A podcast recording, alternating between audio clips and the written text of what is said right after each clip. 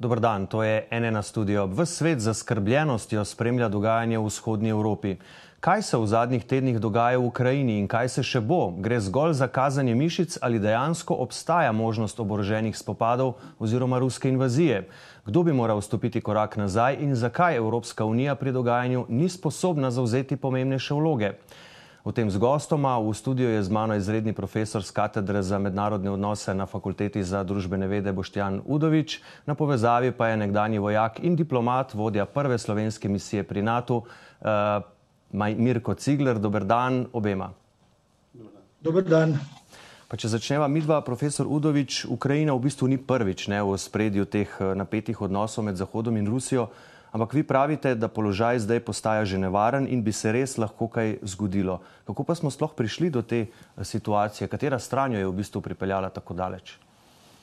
Težko rečem, katera stran jo je pripeljala tako daleč. Menim, da je pripeljala situacija, ki se kopiči že vse od leta 2008, ko je Ukrajina dobila nek namik, da bi lahko morda postala članica NATO in seveda je Ruska federacija takrat vsako zadevo bolj skrbno spremljala.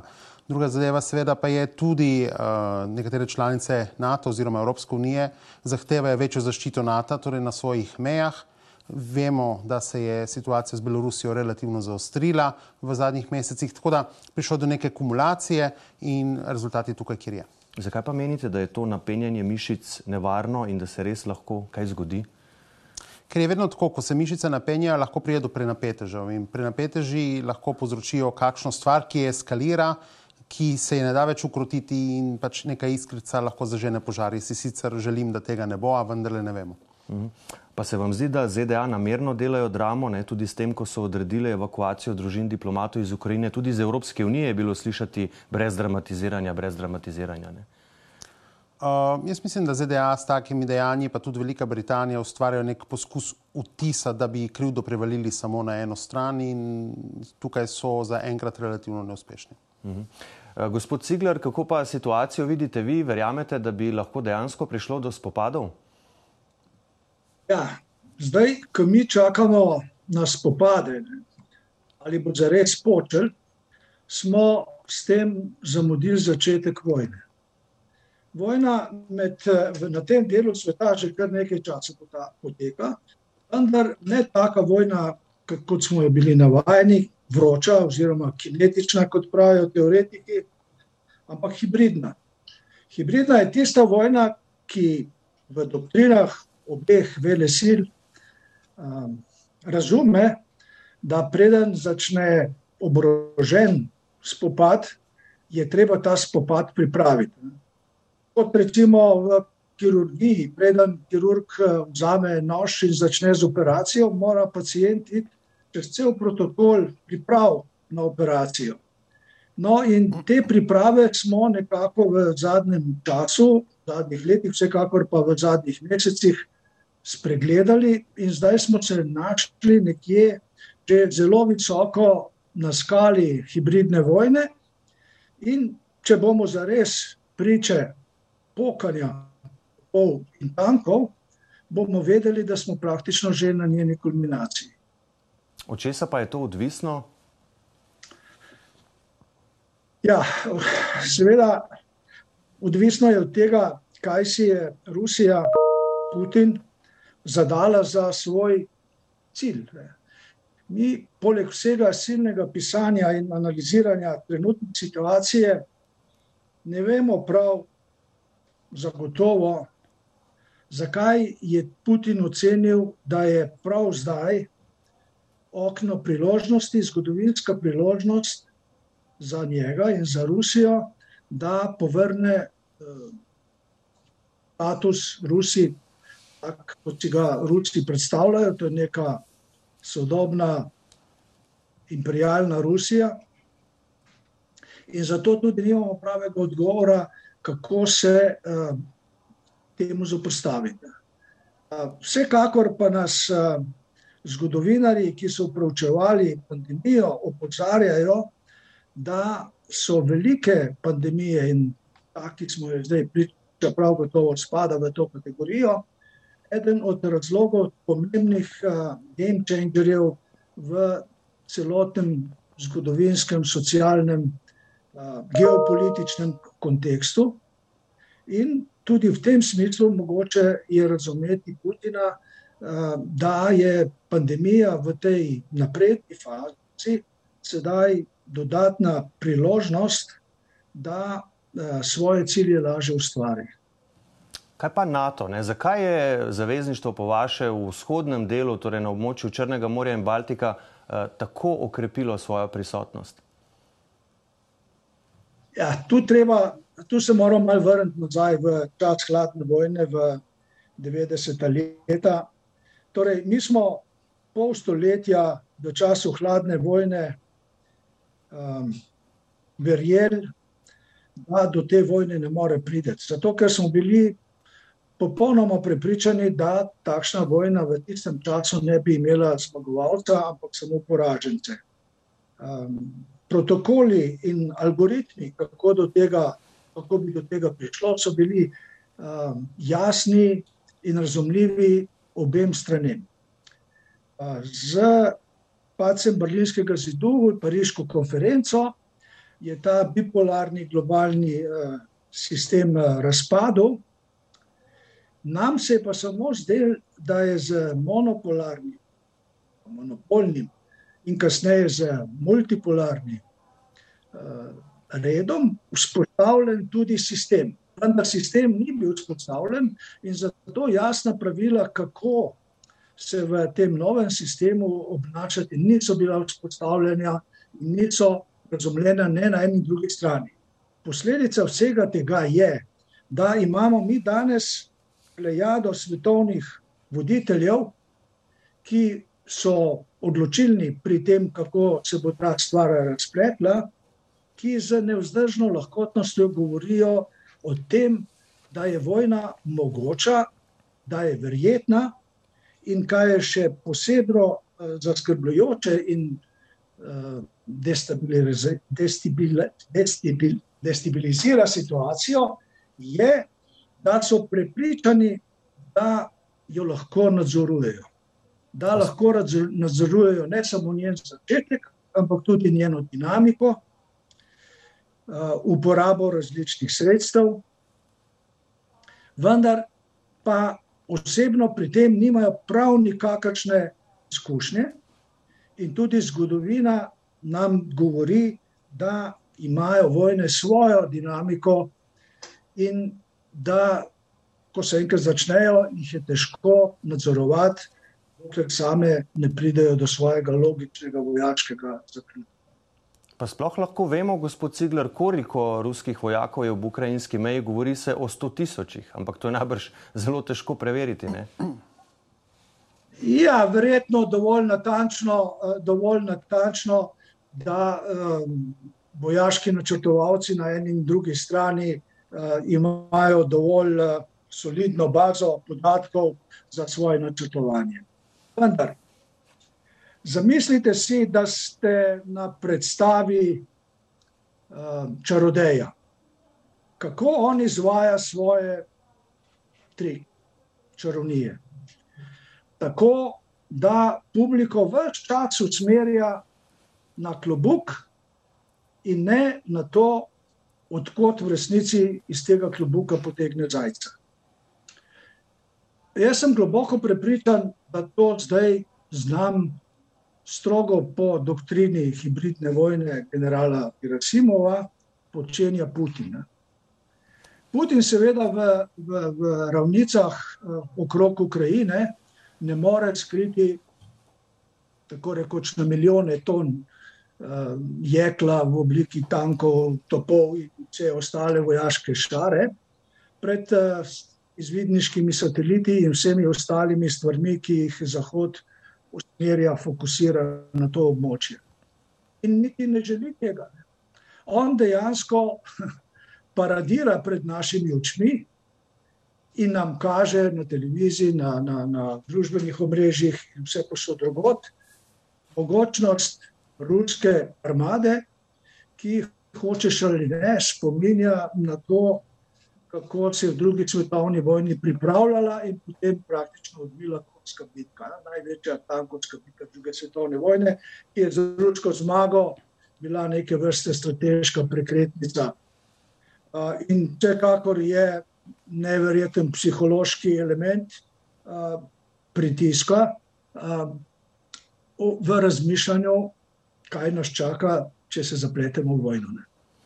Profesor Rudovič. Pri tem pusti nas, zahodne in vse ostale analitike, da sami razglabljamo in razmišljamo in kombiniramo, kaj se bo zgodilo, ali bo tečišče rimske strani in na morski strani, ali centralno, ali bo napad na, na Kijev, ali bo. Ali bodo šli z ene strani ali z druge, ali bodo presekali Ukrajino po celem, in tako naprej. Ne. In o tem, seveda, obveščamo in razmišljamo s svojo javnostjo. Torej, nasprotno od tega, pa ruska diplomacija in ruska vojska vztrajno trdita, da oni nimajo nobenega načrta, da bi, da rečem tako, kinetično ali na klasičen način pokorili Ukrajino. To je, to je točno tako, kot piše v njihovi doktrini hibridne vojne.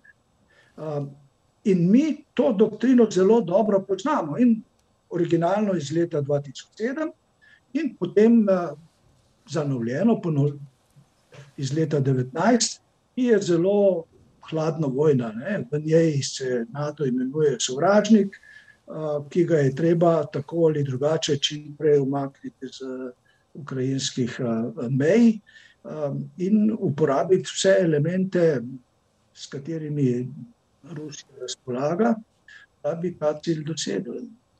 Profesor, torej, profesor Udovič, če lahko še mi dva malo, zanimiva ta teorija, ta prispodoba ne, o, o zajcu in klobuku in temu, kar počne Putin. Vaš pogled na to, kar smo ravno kar slišali od gospoda Ciglarja?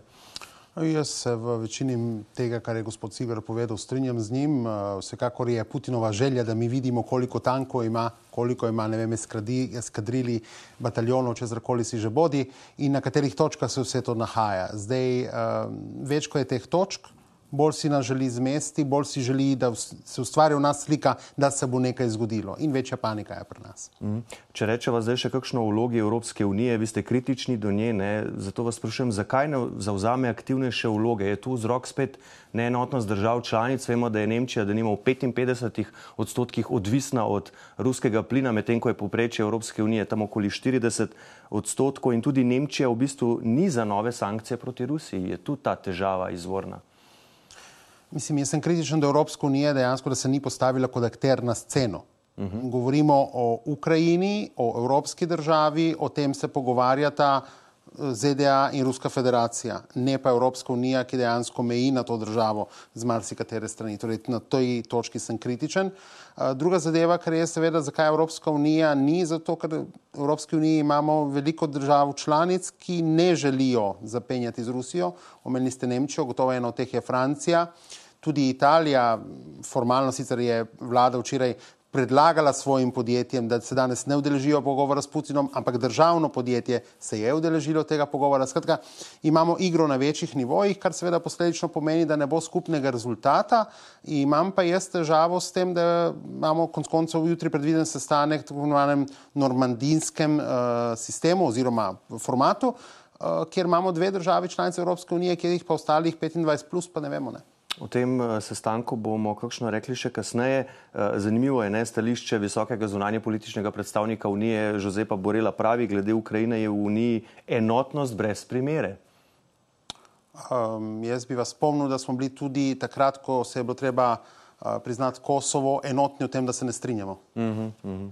Kateri nabor sankcij pa po vaše sploh še preostane Evropski uniji? Ne, nekaj jih je v veljavi že od 2014, ko je bil priključen Krim. Teorija mednarodnih odnosov je zelo jasna, sankcije so neučinkovite. Tako da jaz ne vem, če bomo zadeve, ki se nam dogajajo v mednarodni skupnosti, reševali s sankcijami, potem ne bomo rešili ničesar. Mislim, da je zadeve treba ohladiti, postaviti jasne gabarite sodelovanja. Na drugi strani seveda je pa vprašanje tega, kdo bo te gabarite postavil in kakšni interesi se tu bijejo. Ne gre samo za interese Ukrajine, Ruske federacije, Evropske unije in seveda ZDA, gre za globalne interese in te so veliko širše. Predvsem je bil v preteklosti problem, da se je v Ukrajini pogovarjalo brez Ukrajine. Ne? Ja, in to se dogaja tudi danes. Uh -huh. Pa ne bi bil spopad vojaški, če bi prišlo do njega, škodljiv za Rusijo, ne, ki ima že tako precej gospodarskih težav, ne na zadnje tudi zaradi preomenjenih sankcij. Jaz mislim, da realnega, če govorimo o invaziji, ne, uh -huh.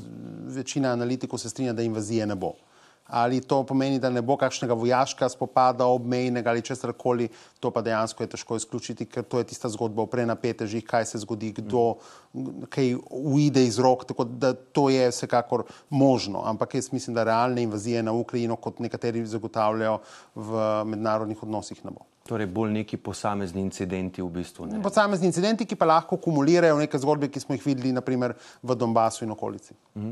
Gospod Cigler, pa je po vaše sploh komu interesu, da pride do tega vojaškega spopada? Ja, no, zdaj, ko poslušam uh, profesora Udoviča, stalno vrača spomin na, na, na knjigo od Kristofela Clarka, Mesečniki, torej analiza pred Prvo svetovno vojno Evrope. Praktično vsi so govorili o, o vojni, vsi so verjeli, da vojne ne bo, vsi so verjeli, da se z vojaškimi sredstvi nakopičene, uh, nakopičeni problemi tistega časa ne dajo rešiti, in vendar je potem do vojne prišlo, in potem so kralji in cesarji svoje podanike prepričevali, da bo to zelo kratka vojna in da bodo fantje, ki so odhajali na mobilizacijo, do uh, Božiča doma. Niso pa povedali, do katerega leta, do katerega Božiča. Um, torej, vojne imajo to grdo lastnost, da imajo svojo lastno dinamiko, svojo lastno di, uh, logiko uh, in uh, se zelo rade iztrgajo iz nadzora tistih, ki jih uh, načrtovali.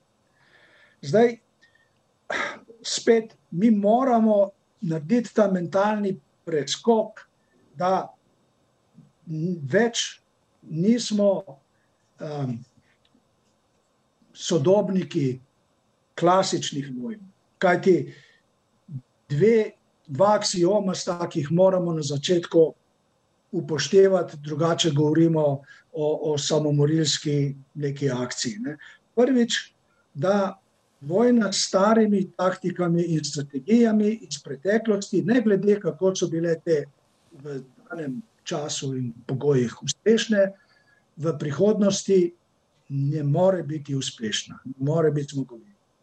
In drugo, da tisti, ki vojno začenja, mora, mora doseči neke vrste strateško presenečenje, da si na ta način zagotovi časovno okno, v katerem te prve svoje cilje vojaške cilje lahko realizira, preden se napadeni pobere dovolj, da lahko organizira neko uspešno napad. Če teh dveh pogojev ni, potem je napad obstojen na, na, na neuspeh. Seveda, pa o tem, o čemer danes govorimo, je to, o čemer je govoril Sun Tzu, slavni kitajski strateg, politik in general v tam tretjem, četrtem stoletju, pred našim stetjem na Kitajskem, ne, ko je rekel: zmagati brez boja, to je glavna vrhunska umetnost vojskovanja. In, in kar poskušajo Rusi danes, Putin danes, je najverjetneje to, poskušati zmagati brez boja. Vendar z eno, bi rekel, varovalko, da so pripravljeni v zadnji fazi, če ne drugače, eh, to narediti tudi z bojem. Torej, ko govorimo o hibridni vojni, imamo zdaj neke vrste asimetrijo, ne? da so Rusi že čest v hibridnem delu in da je Zahod po tistem, kar vidimo, vključno z NATO, še zelo v klasičnem delu. Bolj ali manj se govori, uh, bolj ali manj so reakcije na tisto, kar vidimo, kar nam Putin želi pokazati skozi naše lastne oči iz izvidniških satelitov in ostalih uh, izvidniških naprav. Kako pa vidite odločitev Zveze NATO, da se je kljub drugačnim obljubam širila na vzhod in seveda v zvezi s tem tudi ruske zahteve, med drugim to, da naj se NATO vesile umaknejo iz 14 držav, ki so se zavezništvu pridružile po letu 97? Glejte, ko sta Gorbačov in uh, Reagan in Tačerjeva in ostali visi, veliki voditelji tistega časa se pogovarjali o mednarodnih odnosih, sta vsaj ta dva državnika nekako dobila občutek, da skupaj končujeta hladno vojno. Vsaj, če poslušamo Gorbačova danes, on to vedno ponavlja, da v hladni vojni ni Amerika in Zahod zmagala, ampak da je bil to skupni projekt in enih in drugih. Um, Bush starejši je potem to prepričanje spremenil v ameriško zmago in ruski poraz. Torej, iz, izkušnja, oziroma ja, izkušnja, da bi, da, bi, da bi koristili prednosti, ki jih ima zmagovalec, in kaznovali tistega, ki je poražen, je bila enostavno prevelika. Pisnih dokumentov, o katerih govorijo na ruski strani, zaenkrat še ni. Ali bodo se pojavili v arhivih, ki so danes še zaprti, bomo zvedeli še čez 30-50 let. To, kar vemo, so ustna izročila, ustna poročila um, politikov tistega časa. In ko kaj pa je zares zapisano v dokumentih, pa iz sedaj razpoložljivih dokumentov ene in druge strani dejansko ne vemo. Vsaka stran seveda povdarja svoje, ampak objektivne zgodovinske resnice nimamo. Torej, Dej. profesor Udovič, v bistvu nobena stran ne zaupa drugi. Ne?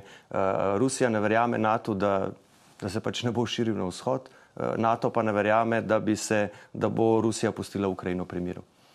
Logično, ker nikoli se to zaupanje zares ni ustvarilo. Mm. Dejstvo je, da je pač zahodni svet prekršil obljube, ki so bile dane Rusiji oziroma Sovjetski zvezi. Uh, Eh, da ne bo širitve NATO, vzhodno Nemčije. Eh, ta zahteva, ki jo trenutno postavlja Rusija, je seveda nerealna in neživljenska in to oni vedo dobro. Mm. To, to je samo pač neka, neka stvar, ki jo pač vržejo, zaradi tega, da malo razburijo vode, ampak realno pač ja, je ozračje nezaupanja ostaja in je fascinantno večje zdaj v drugem tisočletju, kot je bilo po koncu hladne vojne. Mhm.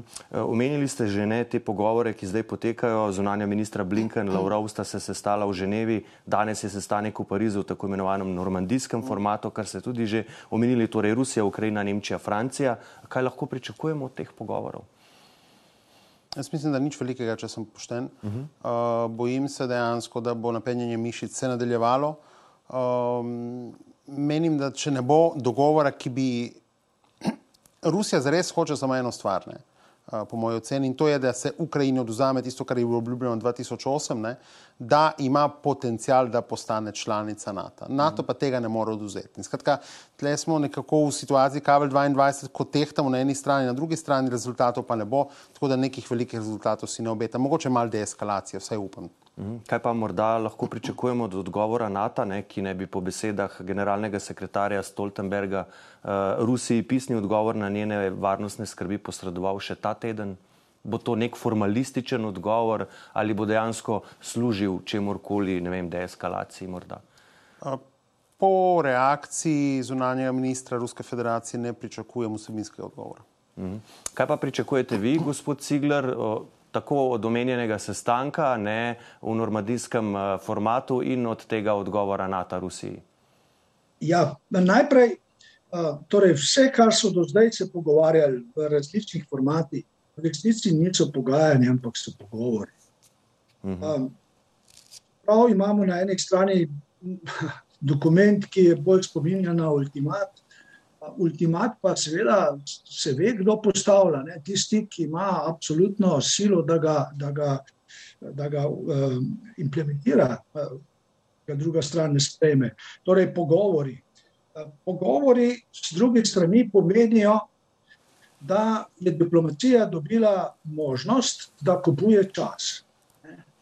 Zdaj, tu se postavi velika dilema. Ne. Če je, glede na to, da je Putin res v okrog Ukrajine koncentriral neverjetne za današnje sodobne pogoje vojaške, vojaške sile, zakaj je potem, ki bi lahko seveda vdrle v Ukrajino na en ali drugačen način, zakaj je potem pristal na, na diplomatske pogovore, ki pomenijo časovno, časovno odmikanje neke končne, končne odločitve.